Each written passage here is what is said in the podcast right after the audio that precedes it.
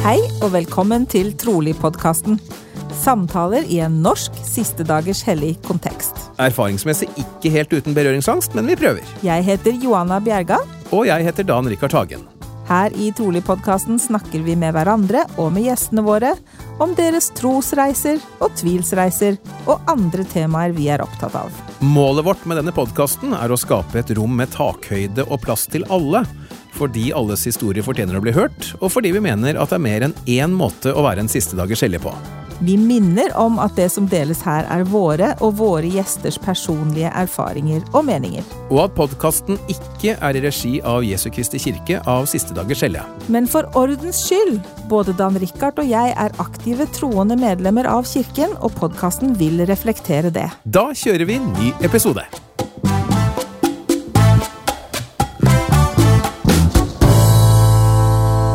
Da er det klart for episode 20 av Trolig-podkasten, Johanna. Tenk deg det. Episode 20. Ja, tenk det at vi kom oss over tenårene. Ja, vi gjorde det, altså. Og sesong to da, etter en, en grei sommerferie, må jeg vel kunne si. Ja, det er lov å si det. Litt lenger enn planlagt, men eh, ok. Det må da være lov. Det er lov. Men nå er vi altså for fullt tilbake igjen, og vi lover at sesong to slettes ikke skal bli noe dårligere enn sesong én, i hvert fall. Det er noe helt sikkert. Um, I dag har vi også besøk av Solveig Wissenbach. Velkommen til deg. Hei sann! Koselig å være her. Ikke sant? Og da er det jo, selvfølgelig må vi jo bare starte fra børjan. da. Hvem i all verden er Solveig Wissenbach, da? Jeg er egentlig fra Tromsø. Um, vokste opp i Tromsø. Og ble medlem av kirka der i 92.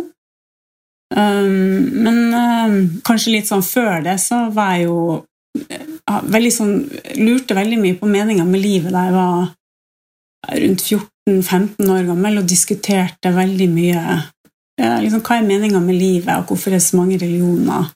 Med ei veldig god venninne. Jeg følte liksom ikke at jeg fant noe svar.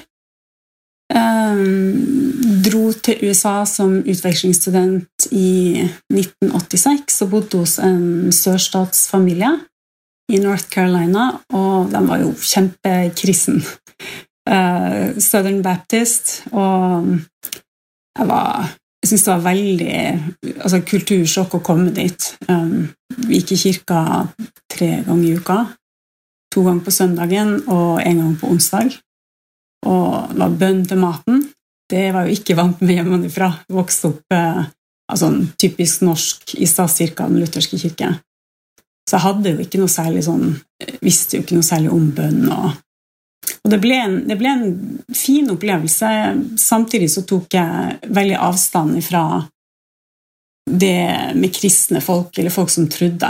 Um, en, Fordi det ble for mye, da? eller? Ja, og så var det De var veldig sånn der um, For dem som er Southern Baptist, så er det jo liksom dette her med å bli frelst. Og jeg hadde en sånn god åndelig opplevelse som ikke jeg forsto, uh, så jeg trakk meg vekk ifra dette med å gå i kirka på søndagene mens jeg var der borte, og vertsmora mi ble helt fikk helt bakoversveis. At jeg var jo blitt, skulle liksom bli frelst, og så jeg, ville ikke jeg komme noe mer. Det gikk greit. Vi, vi ordna opp, og jeg fortsatte å komme i kirka, men jeg følte liksom at folk som var kristne, at de var egentlig veldig hyklerske. Så jeg trakk meg veldig bort og hadde en sånn femårsperiode fra jeg kom hjem fra USA til jeg møtte misjonærene der jeg jeg bare Jeg kunne ikke skjønne folk som var kristne, liksom hadde en tro. Følte at det var mennesker som uh, trengte liksom en, en, større makt i livet sitt. Hun klarte seg ikke sjøl? Nei, ikke sant. Så ja. Men på hvilken måte opplevde du Eller hvorfor opplevde du dem som hyklerske, liksom? Det var vel kanskje også litt fordi at uh, de som var på min alder uh, var litt sånn, De gjorde ting i løpet av uka, så søndagen kom, og så bekjente man sine synder, og, og så var man liksom frelst på nytt. Vet ikke helt. Uh, og så syns jeg det var veldig rart at alle de som da hadde kjent meg nesten et helt skoleår i den kirka, at de da plutselig skulle komme og overfalle meg med klem og 'Oh, you're saved', du er frelst. Det var veldig sånn det var veldig liksom nært på meg, og det syns jeg var litt rart. Liksom, hvorfor hadde de ikke vist interesse for å bli kjent med meg før, liksom i begynnelsen av året? Så jeg syns det var liksom Jeg skjønte ikke helt det der. Hvis man var kristen så burde man jo omfavne de som ikke har en tro, da. Så det, det gjorde at jeg, jeg, følte liksom at sånn er alle kristne. Liksom, hold avstand til dem. Ikke, ikke engasjer deg i, i, folk som har en tro. Men jeg møtte jo liksom på folk innimellom som, um, som var kristne. Um, og de var jo bra folk, men uh, det var liksom ikke noe for meg. Men du toucher jo for så vidt et eh, tema som kanskje kan, som jeg håper å si er litt problematisk. Vi har jo så vidt vært innom det i en tidligere episode, også dette med oss versus them, ikke sant? Vær litt mm. forsiktig med de utenfor kirken på grunn av negativ påvirkning osv. Så, mm. ja. så det er jo en litt sånn flersidig problemstilling, på en måte. Mm. Og den andre greia som vi òg faktisk har snakket bitte litt om, er dette her med at vi må slutte å ha en agenda bestandig. Mm. Ja. Liksom at, ja. at, at, vennskapene våre eller relasjonene våre skal være betinget av at mm. Eh, noen skal akseptere eller, eller ta imot uh, evangeliet på våre premisser. Det er mm. også helt, helt, helt feil. Mm. Men noe må jo ha forandret seg, for her sitter du. Ja. ja um, det var jo misjonærer som kom og bank på døra mi i Tromsø. Hvor lenge var dette etter holdt på å si, den opplevelsen i USA? Fem år. Fem år, ja. ok. Ja, så dette var i 92 i Tromsø. Og da um, var jeg vel egentlig mest interessert i å diskutere og krangle med dem. Um, jeg trodde jo først at de kom fra Livets Ord i Stockholm, for de var litt sånn gevrokne i språket. Jeg hadde ikke så mye tid første gangen de kom, så jeg spurte om de kunne komme tilbake. Uh, og det gjorde de heldigvis. Um, og hadde Det gikk egentlig ganske fort. Dette var vel i juni, uh, første gang jeg traff dem. Uh, og så jeg, fikk veldig interessante samtaler med dem, for det var mye av de tingene jeg hadde lurt på da jeg var tenåring, som plutselig Oi, der kom det et svar. Og oi, oi, enda et svar. Uh, liksom, og, og, så var det litt det her, liksom, Dette her er liksom for godt til å være sant. Alle de tingene som jeg hadde lurt på. Liksom, for eksempel uh, Hvorfor, hvis Bibelen er sann, hvorfor har vi ikke mer hellig skrift etter Det nye testamentet? Liksom, hvis paven hadde fått myndighet, eller sånn, hvorfor hadde vi ikke liksom paven sine ord i, i skriftene i Bibelen? Mm. Um, en annen ting som jeg også lurte på, det var jo dette med liksom, hva skjer når vi dør? Hvis vi, de som aldri har hørt om, om kristendommen, aldri hørt om Kristus, f.eks. i Afrika, Sør-Amerika, urinnvånere i, i, Amerika, altså rundt omkring i hele verden, så jeg følte jeg at det her var jo wow, tempel. kan man liksom Kan man utføre dåp for folk som mm. aldri har hatt den sjansen? Kan jeg spørre deg om, for at du starta med å si at du for så vidt var ja, kanskje ikke søkende, men i hvert fall nysgjerrig, da? Jeg tror, altså, Vi var to ungdommer, altså ei veldig god venninne av meg, som vi diskuterte dette når vi var Gikk vel i åttende-niende. Hadde jo um, undervisning om religion jeg husker ikke om vi hadde religionsundervisning, eller om vi bare hadde om dette med kristendom. Eh, men i hvert fall så følte jeg at jeg visste ikke helt hvor jeg skulle søke etter svar. Jeg spurte jo aldri en prest, f.eks. Jeg snakka jo aldri med vertsfaren min for eksempel, ordentlig om, om, disse tingene. Og han ville jo heller ikke hatt noe svar. Um, så jeg bare følte at liksom, det, er noe, det er ingen steder man får svar ifra. Det var helst det. Beskriv følelsen da når du snakker med disse to unge misjonærene, og plutselig så bare Oi!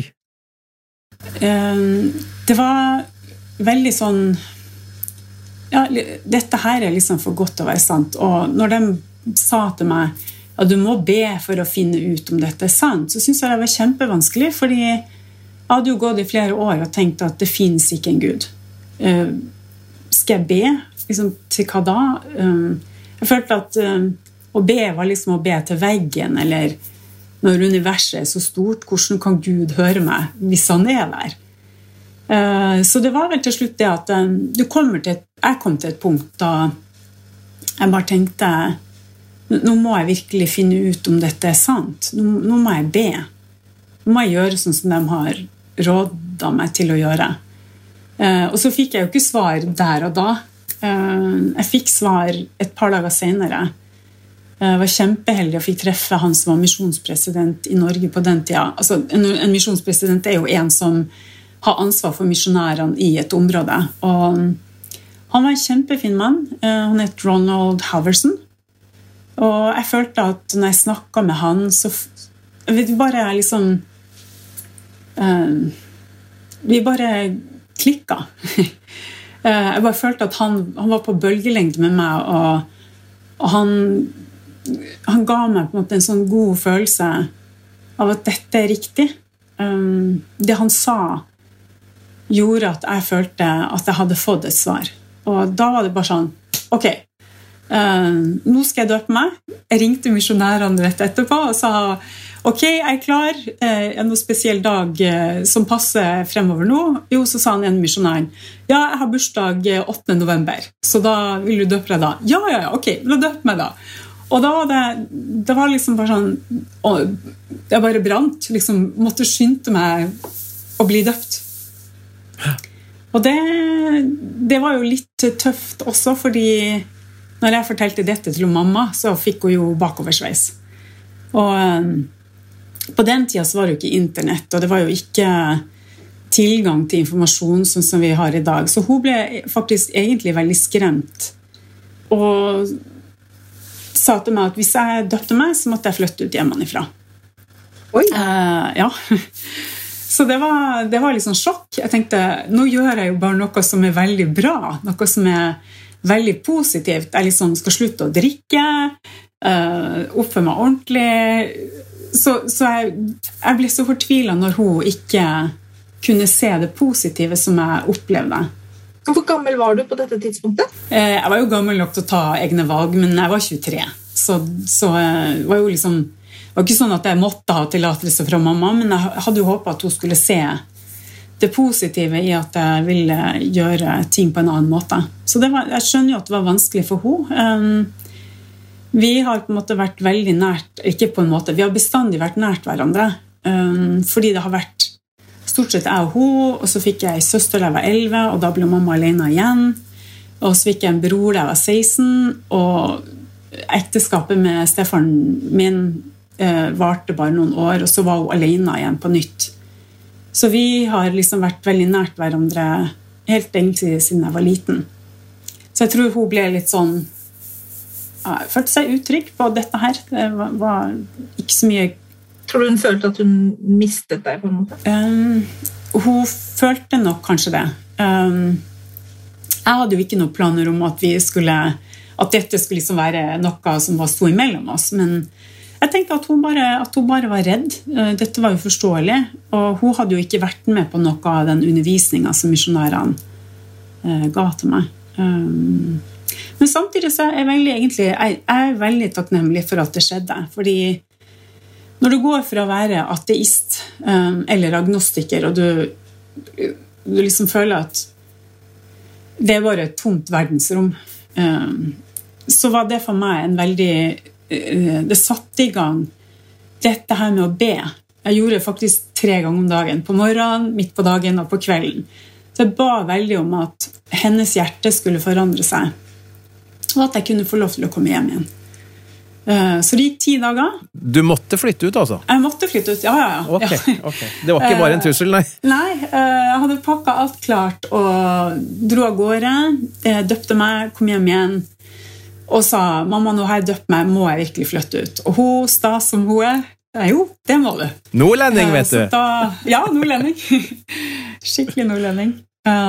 Så da kom misjonærene opp da, hjalp meg å ta ut tingene mine. og En av de andre medlemmene i, i Tromsø kom med bilen sin, og, og, vi fikk plassert ting i bilen. og eh, Jeg kjørte av gårde. Men som sagt, ti dager senere så Eh, så sa hun at du, jeg vil gjerne at du kommer hjem igjen. Eh, mm. Så det, det ordna seg. Eh, hvordan, hvordan, artet det seg videre da for henne, og hvordan falt hun til ro med valget ditt? Ja, hun gjorde nok det. Hun snakka jo faktisk både med sognepresten i Tromsø sammen med henne. Hun ville gjerne at jeg skulle snakke med, med en eller annen ja, prest. da. Så vi hadde et møte med sognepresten nede i sentrum av Tromsø.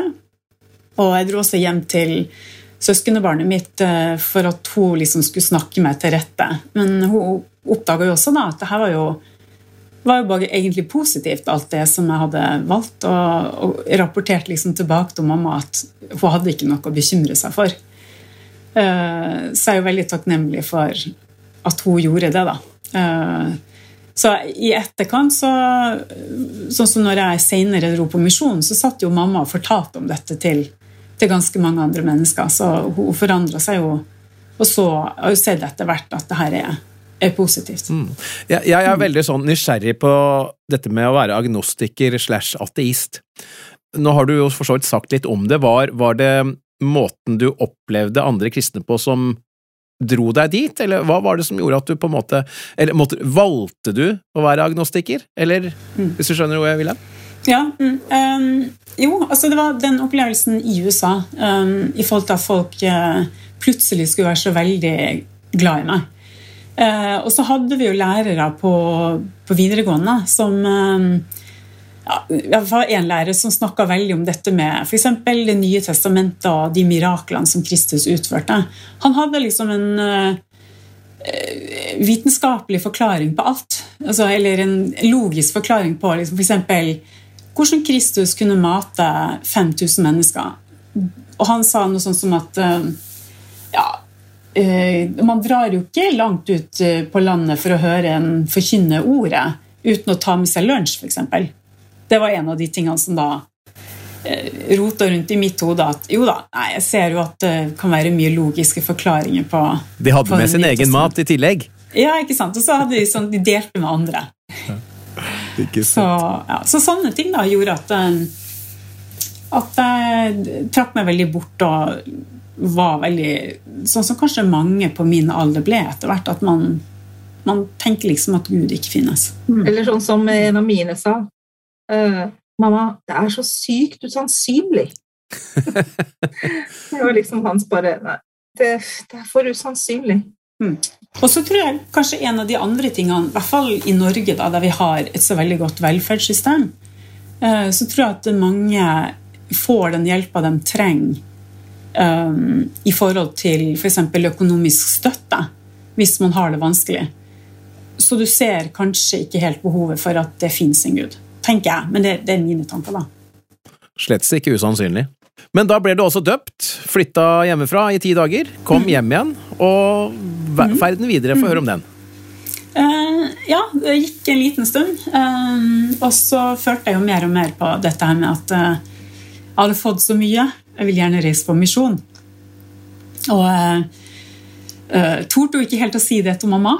Inntil hun en dag faktisk brakte det opp på banen og sa du har tenkt å reise på misjon, har du ikke?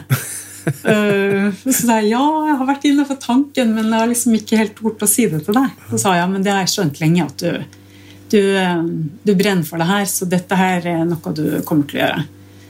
Så da sendte jeg inn papirene, uh, og utpå høsten i 93 um, så får jeg det som kalles for et misjonskall, et brev fra Salt Lake City. Uh, og det står at jeg skal reise til Salt Lake City i Utah. Uh, altså hovedsetet på en måte da, til kirka. Og jeg tenkte det her kan ikke være riktig. Fordi i det samme brevet så står det Bountiful Utah uh, under min adresse. Så jeg var helt sikker på at hvorfor skulle jeg, som kom fra en liten gren med to menn og syv aktive damer langt oppe i Nord-Norge Hvorfor skulle jeg bli sendt til Utah, til Salt Lake? Det skjønte jeg ikke. Jeg, jeg ser den. Jeg ser den også. ja, for Tromsø gren er jo bitte, bitte liten. Ja, det, det, er ikke så veldig mange aktive der uh, fremdeles. Uh, litt usikker på antallet, men jeg vet ikke, kanskje rundt ti aktive. Men nå er jeg ikke sikker.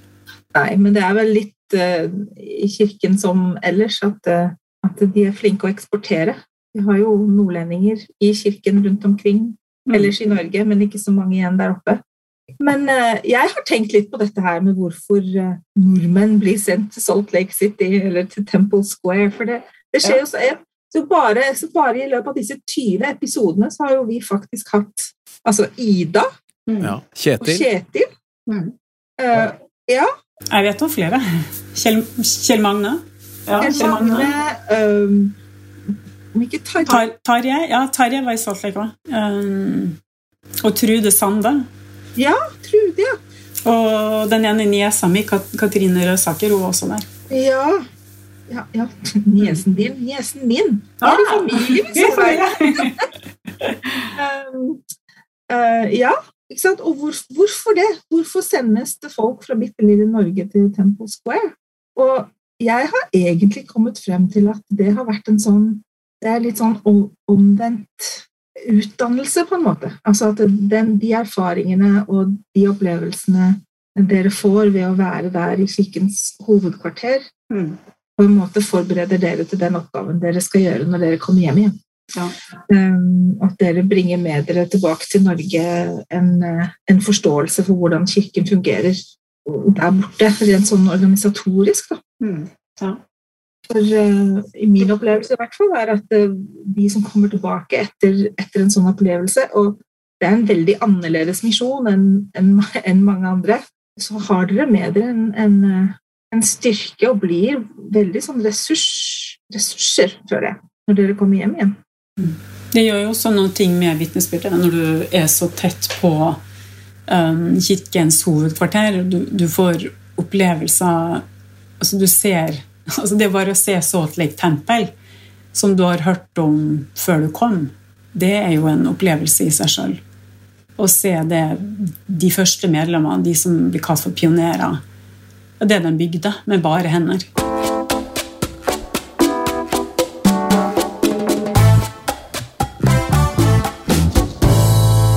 Så fortell litt eh, om misjonen din. Om eh, hvordan det var å være der som ung 20-åring og relativt fersk konvertitt. Ja. Mm. Nei, det var, altså det var, jo Temple Square, eller Tempelplassen som vi sier på norsk, det er jo altså Nå kan jeg jo bare forholde meg til hvordan det var når jeg var der. Det er jo annerledes i dag. Men det kommer Det blir kalt um, jenter, da, eller søstre, som vi sier, uh, fra hele verden. Ehm, det var fra Japan. Jeg hadde to japanske ledsagere. Eh, det kom fra Europa. Jeg hadde en polsk og en tysk ledsager. Eh, det kom fra Amerika, både USA, Canada, Sør-Amerika ja, Over hele kloden. Eh, så du blir jo eksponert for mennesker, eller damer, da, fra kirka som har sin kultur med seg. Så det var veldig lett å se asiatisk kultur, tysk kultur, spansk kultur. Eh, amerikansk kultur eh, gjenspeila i de forskjellige damene eller søstrene som jeg tjente sammen med. Det ga meg jo også f.eks. det å bli kjent altså Det har jo noe helt annet, men det å bli kjent med kirkens sanger, salmer som jeg, Vi hadde jo et veldig lite repertoar i Tromsø. Eh, så plutselig så, så fikk jeg musikk inn på en helt annen måte fordi ja, både de som da spilte for eksempel, til møtene vi hadde For vi hadde jo veldig mye sånne eh, F.eks. morgenmøte hadde vi bestandig, med sang og bønn.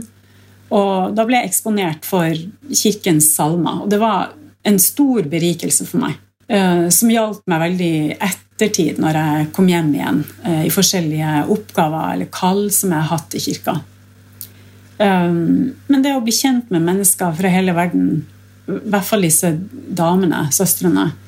Eh, det har jo gitt meg vennskap som jeg fremdeles har den dag i dag. Altså, vi har hatt besøk fra Japan, vi har hatt besøk fra Spania, vi har vært på besøk hos andre i andre land. Du får en kontaktflate med folk over hele verden. Du opplever og ser mennesker på en helt annen måte. Og dette med at vi kaller hverandre for søsken i kirka, det, altså det er bare ja, du ser at vi er alle Guds barn. Uansett hvor du kommer fra. Selv om kulturen og den måten du er på fra din egen kultur, at du tar det med deg, så ser du at vi har de samme grunnprinsippene, de samme verdiene, den samme troen. At uansett hvor i verden du kommer ifra, så tror du på akkurat det samme. Så det var en kjempestor berikelse for meg å kunne være der. Mm. Utover alle disse forskjellige kompanjongene du hadde, hvordan artet selve misjonen seg for deg? Hva, hva gjør du på Tempelplassen, på en måte? Um, altså Vi ble på den tida kalt for misjonærguide, så vi hadde jo folk på omvisning rundt på Tempelplassen. Uh, fortalte litt om historien bak uh, ja, bygningene. Uh, jeg kunne på et tidspunkt hvor mange orgelpiper det var i det store orgelet i tabernaklet. Uh, vi, vi, fikk opplæring i uh, liksom hvordan du skal oppføre deg som misjonærguide, liksom hvordan du skal peke. Du skal ikke, skal ikke bruke fingeren, du skal bruke hånda. Uh, vi, vi, skulle bestandig Altså høflighet, være behjelpelig, tjene andre. snakke om våre verdier og troen vår. Det var det vi skulle gjøre. Og det syns jeg var kjempefint. Det var masse gode opplevelser med folk fra hele verden. Fordi Tempelplassen er jo det er jo, um, det er jo rett og slett en stor turistattraksjon. Mm. Det kommer mye mennesker, både medlemmer og folk som ikke har noe kjennskap til kirken i det hele tatt. Så er, dere, dere, møter jo virkelig all slags. Men uh, i motsetning til andre misjonsområder, da, så er det veldig lite, det er veldig begrenset. Var det sånn mens du var der, at dere fikk noen måneder ute i en vanlig misjon? Mm, ja, jeg var, jeg var, fire måneder i eh, Tennessee Nashville-misjonen. Uh, og var da fire måneder nord i, i, Nashville, en liten by som heter Clarksville. Og da hadde vi også ansvar for uh, militærbasen som heter Fort Campbell. Og vi hadde en del medlemmer da, som, som var, bodde på den basen. Um, så det var fire måneder som jeg syntes var helt forferdelig. Uh, det var liksom gøy de to første ukene. Uh, og så bare begynte jeg nedtelling til jeg skulle tilbake til Tempelplassen. For jeg syntes det var helt forferdelig å banke på døra. Det var så stor forskjell fra Temple Square eller Tempelplassen, der folk kommer til deg hele tida, mens å gå og banke på dører og ikke ha noe liksom ingen særlig mennesker som var interessert. Det var kjempetøft. Uh, så jeg bare, jeg bare Jeg vil tilbake, og jeg, jeg, ba om at jeg kanskje skulle bli sendt tilbake før det var gått fire måneder. At jeg kanskje etter tre måneder kanskje kunne komme hjem igjen til uh, Tempelplassen. Men det skjedde jo ikke. Uh, så, så, det var fire måneder, harde måneder med én ledsager. Det var veldig bra, egentlig. Um, for jeg, jeg tenker jo tilbake sant, på de erfaringene som jeg gjorde meg, uh, og har jo tatt det med meg videre. Um, men uh, Temple Square var liksom Jeg var så glad når jeg kom tilbake dit. Men jeg tenker at Det er et typisk eksempel på hvordan man, uh, man ser alltid best når man ser tilbake på ting. Mm. Så hindsight is 2020. Altså at du at du klarer å se at selv om de fire månedene var vanskelige, så, så var de likevel bra for deg. Mm, ja. Ja. Og misjonen din den var på begynnelsen av 90-tallet? Var det det vi fant frem til? Uh, ja, jeg reiste, reiste av sted i begynnelsen av uh, 94, og så var jeg ferdig i juli 95. Ja. Hva skjedde da? Mm, da kom jeg tilbake til Tromsø. Um, jeg hadde strøkket på den siste eksamen, så jeg hadde egentlig et halvt år igjen. Uh, og så hadde jeg jo lært av mens jeg var på misjon av disse amerikanerne at you can do it, du klarer det. Du kan klare hva som helst. Ja. Uh, så da leste jeg som en hest. Og fikk eh, egentlig ganske bra karakter på eksamen, og det, det, hadde jo ikke jeg trodd. Jeg skjønte jo ikke egentlig hva jeg studerte. Så amerikanerne hadde rett? de hadde rett. Så det gikk kjempebra. Eh, men så hadde jeg jo, mens jeg var i, eh, på misjon, så hadde jeg jo søkt meg til det som heter Brigham Young University Jerusalem Center. Et studiested som, som vår kirke har i Jerusalem, i Israel. Så jeg fikk lov til å jeg kom faktisk inn, så jeg fikk være der i fem måneder på våren i 96. Wow. Så slag i slag, altså. Hva var det du studerte? Eh, da studerte jeg oldtidens eh, historie i Midtøsten. Eh, jeg leste litt fra Det nye testamentet. Vi hadde studier fra Det gamle testamentet. Jeg tok innføring i arabisk, og jeg tok arabisk sosiologi, blant annet. Spennende. Mm. Og du må fortelle litt om Jerusalem. Jerusalem er Altså, det var de fem beste månedene i mitt liv. Altså, det slår Altså, jeg, jeg har født to jenter, og det var Jeg skulle gjerne født flere ganger, men Jerusalem er bare Det er bare her oppe. Uh, fordi vi fikk lov til å reise rundt i landet. Vi fikk reise til Egypt, og det var jo ikke jeg klar over, at vi skulle til Egypt og se pyramidene. Det var helt i det blå. Så når han læreren liksom på dag to sa at ja, når dere står i, i Kairo og ser på pyramidene, så bare, bare rakk opp hånda. Hæ? Vi, hva mener du? Skal vi, til, skal vi til Egypt, til Kairo? Og han Ja, ja, dere skal det. Vi skal reise om eh, fire uker eller noe sånt. Jeg bare Hæ? Og, og, så bare tenkte jeg det her er ikke sant. Altså, jeg må klype meg i armen. Liksom. Jeg trodde jo fremdeles ikke på at jeg hadde kommet inn og fikk lov til å studere der. Så skulle vi i tillegg reise til Kairo. Uh, og pyramider var jo også en del av de tingene som jeg hadde liksom lest om da jeg var tenåring. Uh, og at jeg skulle få komme dit, det var wow. Det var stort. Ja, for det er jo, ikke, det er jo ganske begrenset. Det er veldig sånn competitive. altså Det er veldig vanskelig å komme inn på ja. BYU Jerusalem-programmet. Ja. Ja, det, det, er jo ikke mange studenter av gangen. Hvor mange er det? Nei, eh, altså Den gangen så var vi vel 100, jeg lurer på om vi var 120 eller rundt 100. I dag er det jo enda færre, og i dag så må du faktisk studere ved BYU for å komme inn på det programmet. På den tida så var jo ikke jeg studerte jo ikke på BYU i det hele tatt, eh, så reglene var litt annerledes da. Eh, men det var to, fem fantastiske måneder.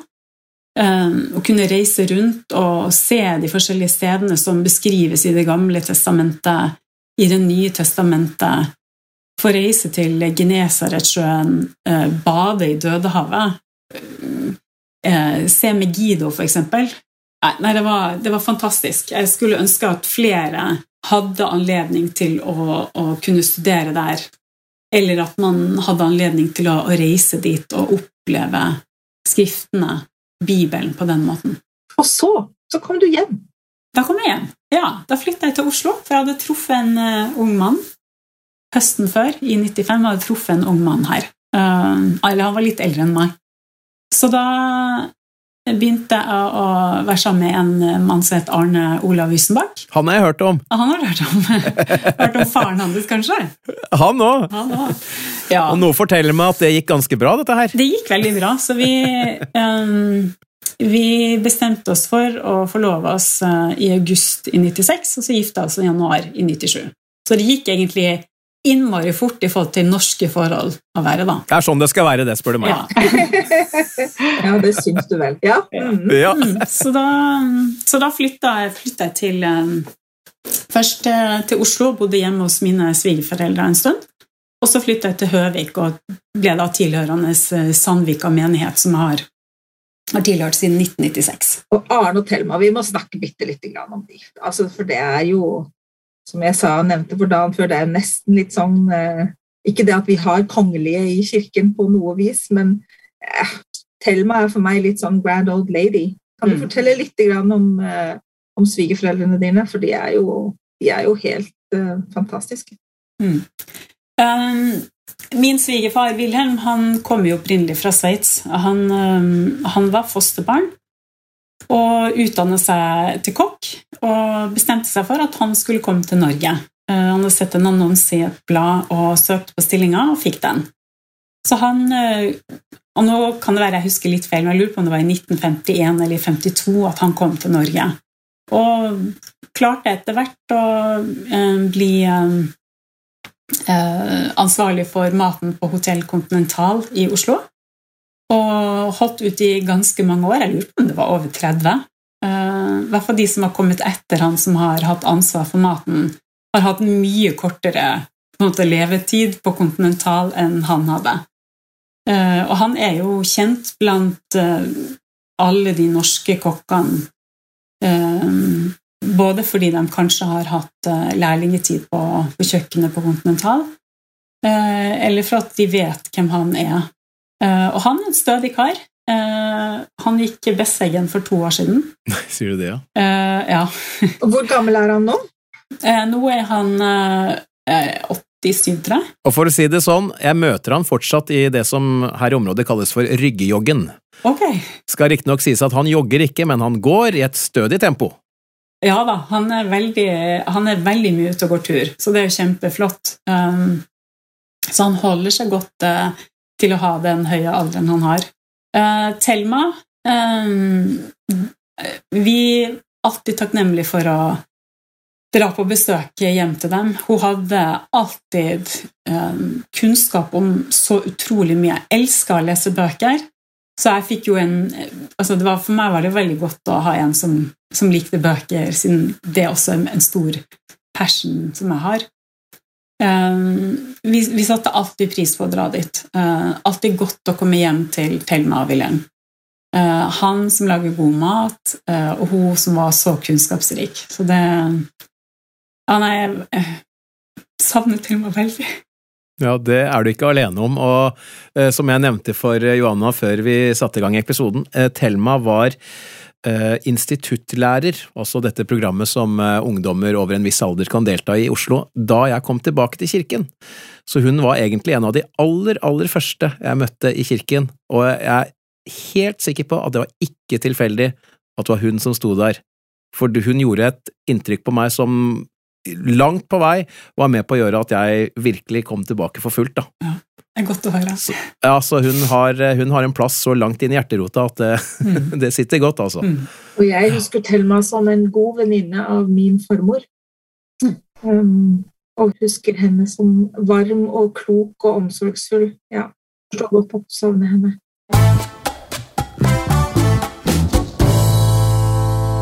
Dette er Trolig-podkasten med Johanna og Dan, i dag altså med besøk av Solveig Wissenbach, som eh, på dette tidspunktet i historien nå akkurat har blitt gift. Og du har jo allerede nevnt at du har eh, født to jenter, hvorav en av de ganske nylig kom hjem fra misjon også? Det er sant. Og den andre er kanskje yngre, eller er det? Ja, hun er litt yngre. Hun er 17. Hun er 17. Mm. Uh, og det er jo ikke akkurat sånn at det stopper opp der, da, for å si det sånn, for du har jo vel vært innom alle mulige oppgaver og kall i kirken som er uh, si, mulig å få. Fortell litt om, uh, om det. Da jeg flytta til Sandvika, så fikk jeg kall, eller oppgave i primær. Og primær er barneorganisasjonen i kirka. Um, det er veldig organisert, sånn som kirka drives. og når man blir 18 måneder, så kommer man inn i det som heter barnestuen, og der er man til man er tre år. Og fra man er tre til man er elleve, så er man i primær, som er barneorganisasjonen. Så jeg fikk ansvar egentlig ganske fort, eh, både som lærer og, og senere som å ha ansvar for, for hele primær. Og det, det var en eh, kjempefin oppgave, fordi du blir kjent med de forskjellige familiene i kirka. Plutselig ser du hvilke barn som tilhører hva slags foreldre, og du ser, eh, du, du ser ting bak som du ikke har visst om før. F.eks. det at kanskje det ikke dukker opp en lærer eller to. Og så må du steppe inn. Eh, du må improvisere. Eh, du må organisere. Du lærer deg å sette deg ned på huk, f.eks., når du skal snakke til barn. Du lærer deg å bruke kanskje en innestemme eller en snill stemme. Du lærer deg Jeg lærte meg masse sanger igjen i primær. Sanger som jeg, jeg tror jeg husker ganske bra utenat uh, i dag. Og dette her er jo 20 år siden jeg var, hadde ansvaret der nede i kjelleren i primær. Uh, du, du ser hvem som på en måte går den ekstra milen for å undervise barn og elske barn. Du, du lærer deg å ta ansvar, du lærer eh, bare dette med organisering, hvordan du skal få klasser til å fungere, hvordan du kan undervise voksne mennesker. Um, altså, og dette her var jo ting som jeg har tatt med meg i andre kall som jeg har hatt uh, opp igjennom. Jeg har hatt um, ansvar i Unge kvinner, som er den organisatoriske delen for jenter mellom 12 og 18 år. Jeg har dratt på leir. Uh, leir som holdes en gang i året for, for unge kvinner. Uh, første gangen jeg dro, så var det helt pyton. Uh, de andre gangene så bare liksom, du, blir, du, bare, liksom, du føler at du brenner for dette fordi det er så innmari hyggelig, og du blir kjent med andre mennesker fra andre deler av Norge. Så alle kall jeg har hatt, føler jeg at, eller oppgaver jeg føler at jeg har utvikla meg og lært nye mennesker å kjenne. Og du blir jo glad i folk også, ettersom du gjør ting sammen. Jeg tenker at det er kanskje et av de fineste tingene med, med kirken og med evangeliet, er jo nettopp det der med at man blir man, Vi kaller det for kall, og det er jo oppgaver som vi utfører på frivillig basis, altså på dugnad.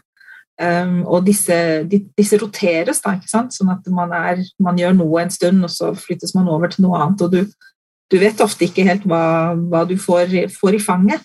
Men, men du, sånn som du sier, du lærer å bli kjent med folk, du blir glad i folk. Og, og min erfaring i hvert fall er at når du jobber sammen med folk i, den, i disse oppgavene, da, det er jo da man virkelig blir, blir glad i dem. Når man, når man gjør ting sammen.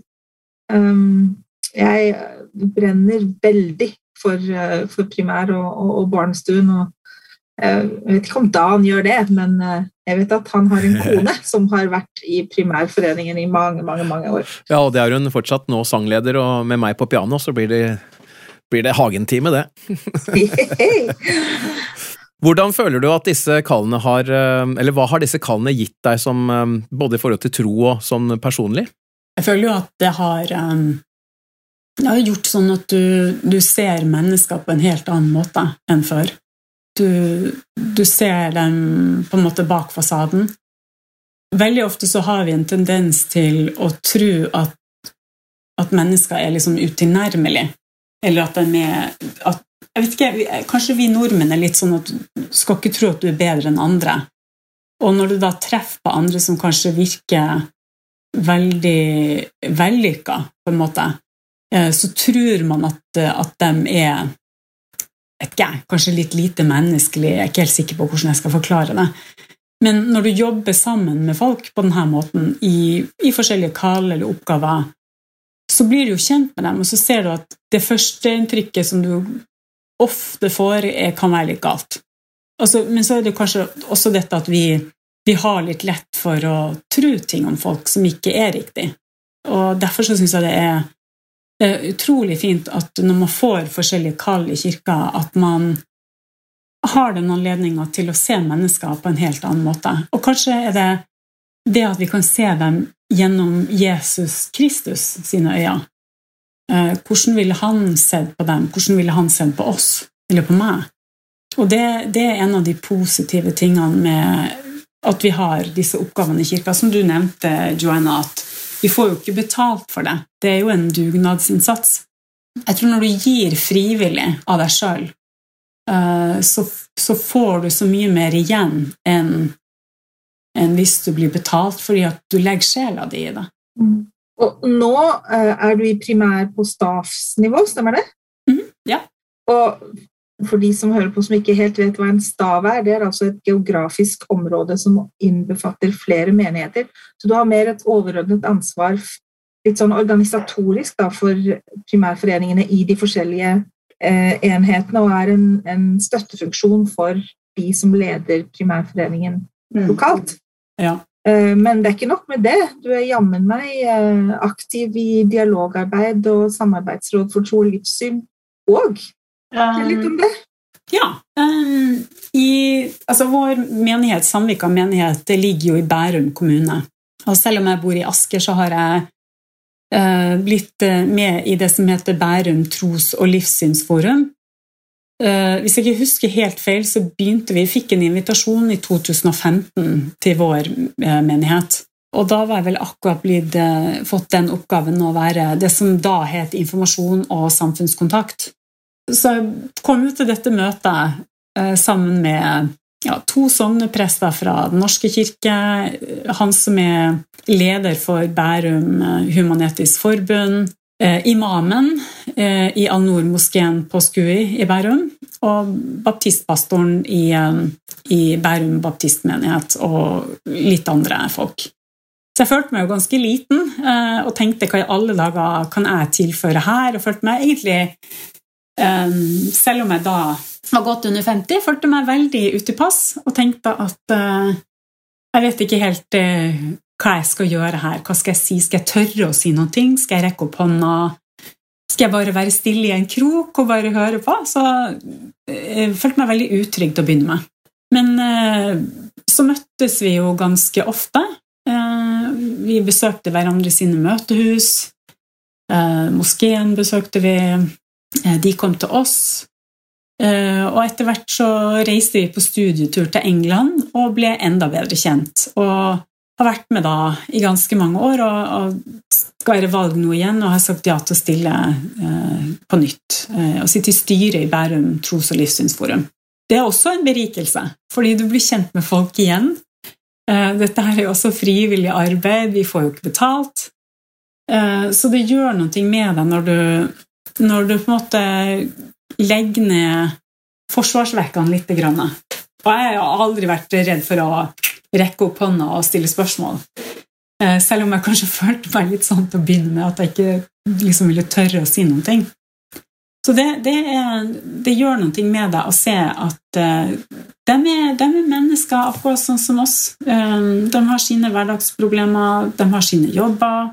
Så det, det, det, gjør noen ting å møtes på den måten. Det skaper en større forståelse. Og det vel det er også en av de tingene som Kirka gjerne vil at vi skal gjøre. Vi skal nå ut til andre. Og som du sa, Joanna, helt til å begynne med, dette med at vi skal ikke ha en agenda. Vi skal ikke liksom bli kjent med folk for at de skal komme til kirka, men du skal bli kjent med folk fordi vi alle er barn av vår himmelske Fader. Og vi har oppgaver på forskjellige steder.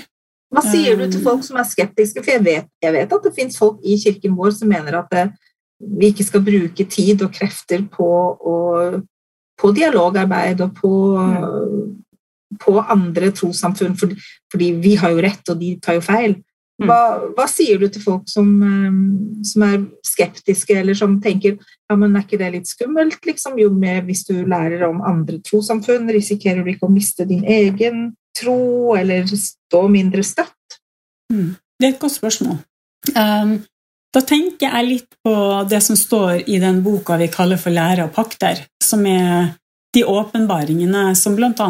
Eh, den første profeten av vår kirke, eller av Jesu Kristi kirke av siste dagers hellige, fikk. Der han fikk en åpenbaring fra vår himmelske Fader om at vi skal søke kunnskap om alt som er av bøker, eh, språk, eh, alt som er over bakken, alt som er under bakken, og hvis folk er skeptiske til det, da lurer jeg litt på om de egentlig har fulgt med på det profeten vår gjør. Eh, vi har en profet i dag også som er veldig aktiv i forhold til å bygge broer til andre trossamfunn. Så da lurer jeg litt på hvorfor er de skeptiske? Det er vel som du sa, det, Johanna, det er vel redsel for påvirkning? Ja, det, jeg tror kanskje det. Altså, at uh, igjen, det dukker opp stadig vekk når vi snakker sammen. At, uh, at vi må vekk fra sånn fryktbaserte reaksjoner på, på ting. Mm. Og det eneste sant, som, som, kan motarbeide det, det er økt kunnskap, rett og slett. Vi må mm. bare lære mer. Vi mm. må vite mer, forstå mer. Og da, da må skylappene vekk. Da må bort fra oss og dem-tenkning, for det er ikke noe oss og dem, det er, det er bare oss. Ja. Du hører på Trolig-podkasten med Johanna og Dan, og i dag snakker vi med Solveig Wyssenbach. Og vi um, lurer litt på om du kan fortelle oss hva er din definisjon på tro? Um, jeg tror min tro er basert veldig på håp. Det henger sammen. Du må ha et håp om at det Eller jeg må ha et håp om at det jeg tror på, er sant. Og jeg tenker at mye av det jeg har lært i kirka gir meg håp. Håp om en bedre verden, håp om at det jeg lærer, at det skal gi meg erfaring til å kunne hjelpe andre, f.eks. Eh, så det er for meg tro, et håp om at det fins noe bedre, og at alt det jeg er blitt lært, er sant. I det siste så har vi jo hørt profeten ofte snakke om eh, å høre ham. Og det opplever jo eh, vi når vi snakker med folk at mange gjør på litt forskjellige måter. Hvordan hører du ham? Jeg hører han uh, gjennom innskytelser jeg får.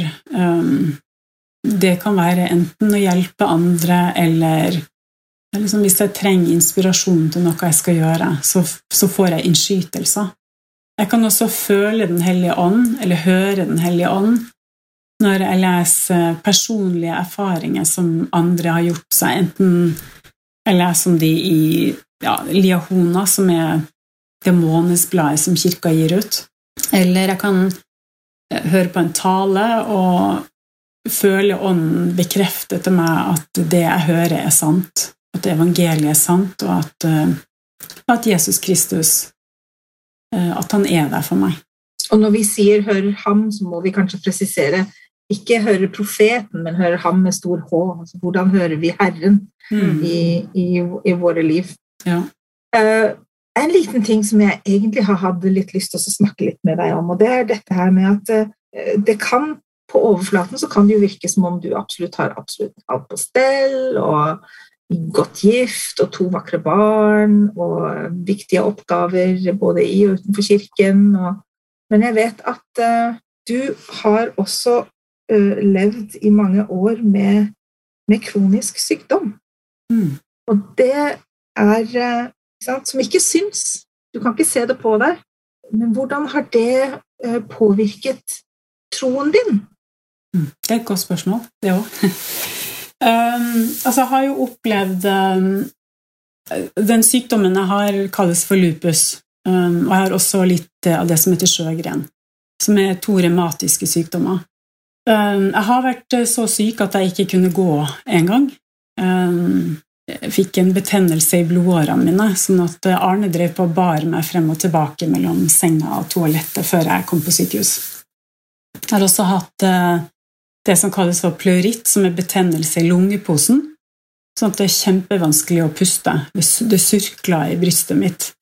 Eh, med sjøgren så har jeg jo eh, konstant eh, tørre øyne, sånn at jeg har jo opplevd å ha sår, eller har egentlig konstant sår på, på hornhinna. Så jeg jo dukka opp i kirka med lapp på øyet. Jeg har jo lagt ut bilde også med denne sjørøverlappen, da. Og har jo følt meg ganske fortvila, um, fordi helse er noe man tar så innmari for gitt. Uh, vi tenker at um, med god helse så kan du gjøre så innmari mye. Og når jeg har vært veldig dårlig, så har jeg liksom bare tenkt at hvorfor i alle dager skal jeg være syk? Jeg får jo ikke gjort noen ting. Og da oppdager du jo også hvor avhengig du blir av andre.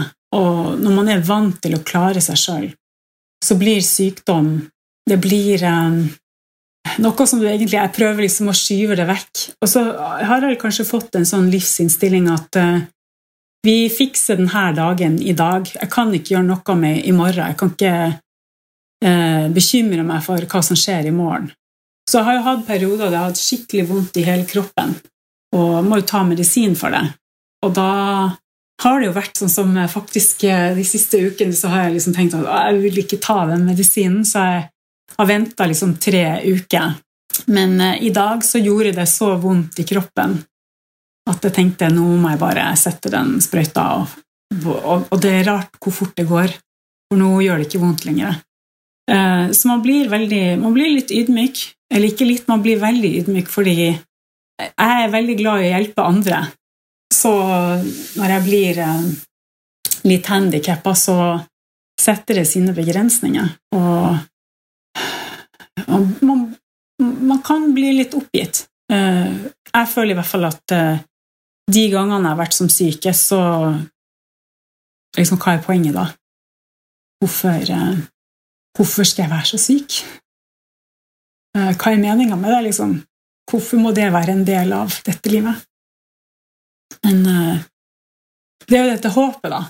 At en dag så, så skal jeg være helt frisk. Det er jo det jeg som en del av, av troen min også, at, eh, at, selv om jeg er syk nå, så vet jeg at det skal komme en dag da det Frelseren har gjort eh, i forsoninga og i oppstandelsen, at det skal bli borte. Så det, jeg føler at det er en velsignelse også. Eh, da kan jeg forstå andre som er syke, og tenke annerledes i forhold til folk som trenger hjelp mm. når de er syke. Flott. Jeg vet at um, Solveig har faktisk gitt uttrykk for at uh, det ene av de to siste spørsmålene syns hun var litt vanskelig. Og det er dette Hvis det var noe du kunne forandret i kirken, hva ville det vært? Jeg tror jeg er litt sånn som Cecilie Lundgren. Jeg kommer ikke på noen ting. Jeg vet ikke om det er fordi jeg ikke ser det store bildet eller ikke kan sette meg inn i situasjoner til andre, men jeg, vet jeg kommer ikke på noen ting. Jeg jeg er veldig takknemlig for kirka sånn som den er, sånn som evangeliet er lagt ut. Det, jeg, jeg, vet ikke. Jeg kommer ikke på noen ting. Og det er helt greit. det er helt greit. Det er helt greit. Og det siste spørsmålet da, Solveig, er hva er det beste, syns du, med evangeliet? Det beste med evangeliet, det er at uh, Kristus, da han forsonte for våre synder, at han tok på seg våre svakheter og den frustrasjonen vi føler Kanskje hvis vi er deprimert, kanskje hvis vi føler oss nedfor, at det er, det er tatt bort. Det kan bli tatt bort um, når vi får tro på Han. Pluss at uh, på grunn av hans oppstandelse um, og på grunn av tempelet som vi har, så kan familier være sammen for evig. Jeg tror det er det altså jeg, Folk som kjenner meg, vet jo at jeg brenner for både slektsforskning og tempelarbeid. Og det er fordi jeg hadde veldig gode opplevelser i forhold til nær familie første gangen jeg var i tempelet. Og jeg, jeg var takknemlig for at Kristus snakker til oss igjen i dag gjennom en, en levende profet. Det, jeg bare tenker er så takknemlig jeg er for det.